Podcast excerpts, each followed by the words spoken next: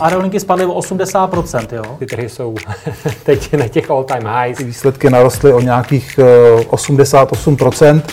Co vlastně se teďka stalo v rámci uh, SpaceXu, je prostě něco neuvěřitelného. Plyn, uh, emisní povolenky, jakoby v tuhle tu chvíli ten systém je nefunkční. Peníze nikdy nespí, ani ty vaše. Dobrý den, vážení posluchači. Vítáme vás u dalšího podcastu investičního webu. V něm nabídneme to nejlepší z našich videí a také původní komentáře a analýzy domácích i zahraničních tržních expertů. Ekonomika, tradiční trhy a alternativy na jednom místě. Dobrý poslech přeje Petr Novotný. Tak v podstate sa jedná o veľkú kauzu a neúplne rád by som prispieval k nejakému foodu okolo Binance, ale v podstate čím, čím ďalej a čím viac do hĺbky človek sleduje tú kauzu, tak tým viac vecí nejakých neúplne čistých vypláva na, vypláva na povrch. Uh, konkrétne ako z technických vecí uh, dozvedeli sme sa de facto minulý týždeň, že uh, Binance má problémy s bankou, ktorá pre ňu zabezpečuje, s korešpondenčnou bankou, ktorá za, zabezpečuje pre ňu platby cez SWIFT. Fámy teda hovoria, že by mali byť pozastavené vklady a výbery z Binance pre investorov do výšky 100 tisíc dolárov to znamená, ostala by Binance dostupná pre obchody alebo on-ramp obchody z fiatu do krypto len pre veľkých investorov, pretože málo kto logicky ako obchoduje s viac ako 100 tisíc dolármi na Binance. To opatrenie podľa nejakých prvých správ by malo byť zavedené od, dokonca od 1.2., čo zatiaľ to tak nevyzerá, uvidíme, ako to dopadne.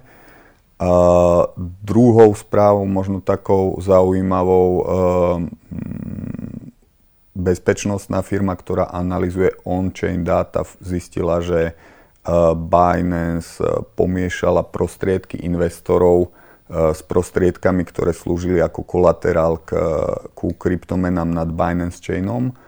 A v podstate 94 E, kryptomien, ktoré boli kryté kolaterálov vo výške cez 530 miliónov dolárov, boli pomiešané s prostriedkami investorov vo výške 16,5 miliardy dolárov. E, vyzerá to taká troška technická metrika, taká ako nezaujímavá alebo nepodstatná, ale keď si uvedomíme, že v e, nedávnej minulosti Binance urobila tzv. Proof of Reserves, ktorý je založený na hashoch zostatkov v e, rámci Merkle 3, tak toto pomiešanie prostriedkov môže znamenať to, že de facto Binance nemusí v skutočnosti držať dostatok kolaterálu ku prostriedkom, ktoré tam vložili jej užívateľia.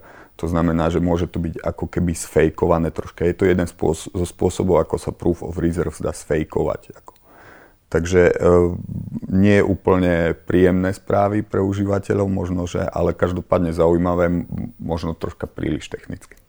Je vidět už nějaký odliv klientů, protože vždycky, když se začne mluvit, někde to jsou drby, někde to je podložené fakty, tak klienti mají prostě první, co je napadne, dostat ty peníze ven. Ty mluvíš o tom, že už možná jsou tam nějaké limity na výběry. Je vidět už nějaký jako fyzický velký odliv peněz z této burzy? Áno, vo všeobecnosti v podstate nie, netýka sa len tejto burzy, ale celkovo tzv. CEXov, čiže centralizovaných burz.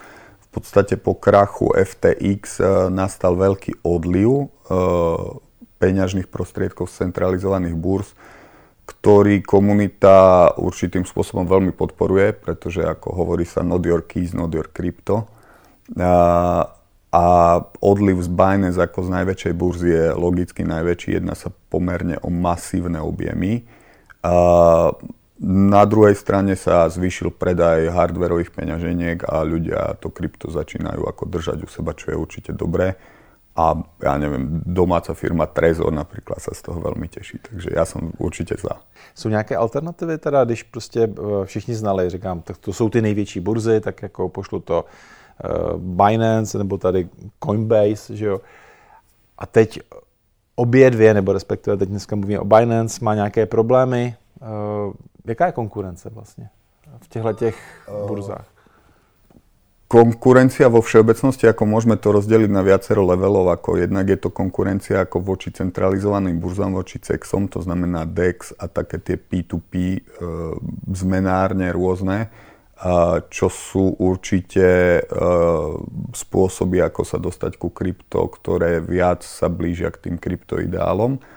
Čo sa týka CEXov, tak v podstate sa jedná o vo všeobecnosti podstatne menšie burzy. Musíme si uvedomiť, že Binance momentálne obsluhuje vyše 85% mimo OTC obchodov na, na CEXoch. takže tá, tá dominancia nie je úplne zdravá, už trošička to začína pripomínať Mt. Gox.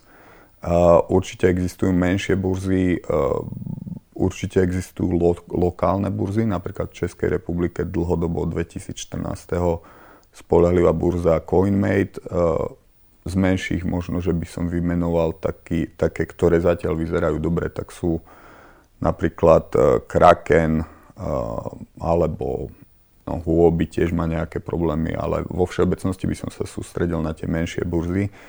Každopádne veľa z nich uh, už striktne, na, na veľa z nich striktne prebieha KYC proces, ktorý nie je úplne zdravý. Niekedy si možno porozprávame, aké prináša výrazné rizika, aj životné, ako pre seba, pre vlastnú rodinu, takže ako to je dosť problém.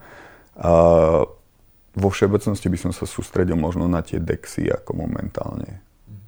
My tady spolu sedíme, eh, je konec ledna a Bitcoin je nejziskovějším aktivem letošního roku zatím. Eh, ale zároveň mluvíme o problémech těch největších jako hráčů, kde bych si to chtěl zobchodovat, kde, které určitě přitáhnou pozornost investorů, protože když něco roste, tak prostě se minimálně ptají proč a otevřu si účet, prostě o Bitcoin jsem se nezajímal, teď se někam dostal, eh, zkusím si ho nějakým způsobem jako možná zahrát. Jo jak to jde do sebe, protože najednou tady roste Bitcoin a mluvíme tady zase o další možné vlně eh, prostě problémů těch kryptoburs. To, jako, že by se to opakovalo. Uh, ten trh ešte nie je prečistený za mňa. Ako tých, tých problémov v pozadí je strašne veľa. Uh, cena Bitcoinu úplne neodráža stav toho odvetvia. Akože, už som to niekoľkokrát spomínal, že v podstate celé odvetvie kryptomien je veľmi malé a veľmi ľahko manipulovateľné. To znamená, s pomerne málo peňazmi môžem dosiahnuť ako výrazné pohyby a výrazné pohyby teraz berieme ako vo vzťahu k iným aktívam. Ako v, v krypte tie pohyby sme v minulosti videli aj o 30-50% denne, čiže nejaký náraz do pár percent denne nie je úplne podstatný. A každopádne ten trh ešte nie je prečistený od tých toxických aktív. Ja si myslím, že dôjde ešte k nejakému prečisteniu a som za to rád v podstate. Potom, potom budeme pripravení na nejaký možno zdravší rast. Teraz by som to stále, stále zaradil niekde do oblasti manipulácií. Co dalšího se děje v kryptosvětě, který ty eh, pravidelně sleduješ a píšeš o něm eh, svůj bulletin týdenní? Eh, zaujímavá vec, ktorá možno nie úplne zarezonovala vo verejnosti, je tá, že vo svete sa vo všeobecnosti pripravujú tzv. CBDC, čo je Central Bank Digital Currencies. A je to v princípe bezhotovostná spoločnosť, takže veľmi zlá vec. De facto banka bude mať pod kontrolou kompletne vaše aktíva, to znamená, keď sa niekomu znepáčite, tak ako veľmi ľahko prídete o všetky svoje peniaze. A určitým spôsobom e, banky sa snažia zviesť na popularite kryptomien a prirovnávať CBDC ku kryptomenám je to niečo úplne odlišné. Ako, ako krypto... vlastnú digitálnu menu. Ako vytvoriť fiat. vlastnú digitálnu menu, fiat, digitálny fiat, ktorý ale ako s kryptom v princípe nemá nič spoločné. Krypto bolo vytvorené kvôli, kvôli slobode a kvôli tomu, aby človek mohol bez obmedzení disponovať svojim majetkom a CBDC sú presným opakom. Takže dávať ich do jednej kategórie je veľmi zlé. Každopádne e, veľa krajín už začalo s e, implementáciou toho projektu, veľa centrálnych bank a e, konkrétne minulý týždeň a týždeň predtým de facto e, viaceré z týchto krajín zistili, že nebudú schopné technicky implementovať tie CBDC. To znamená, nie je tam dostatok ľudí, ktorí by boli schopní ten projekt vytvoriť a prevádzkovať, čo, považ, čo považujem teda za veľmi pozitívne. Kde ti lidé mohou sledovat a jak se dostanou k tomu newsletteru? Sledovať ma ľudia môžu na Twitteri, kde uverejňujem tieto správy priebežne a ten newsletter v predstihu je možné sa do neho zapísať na stránke veroblog.io.